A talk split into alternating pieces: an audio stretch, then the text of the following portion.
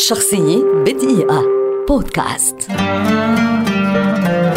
غادة المطيري.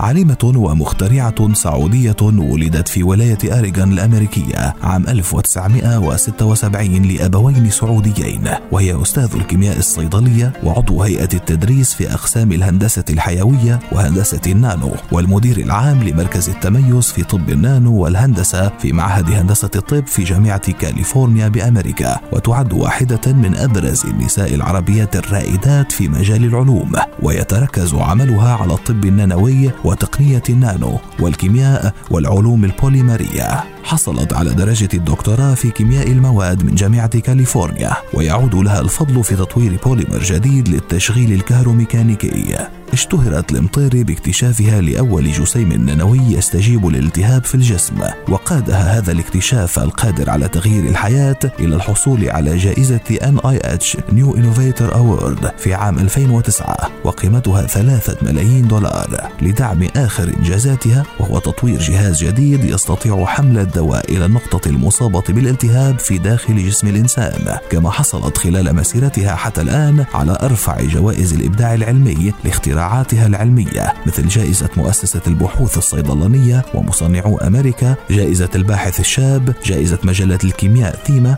جائزة مؤسسة فارما وجائزة كافلي. هذا بالإضافة إلى أنها سجلت أكثر من عشرة براءات اختراع أمريكية ودولية في مجال التقنية الدقيقة. إنها واحدة من النساء العربيات اللواتي غزين العالم بالعلم والمعرفة والإبداع. شخصية بدقيقة. بودكاست.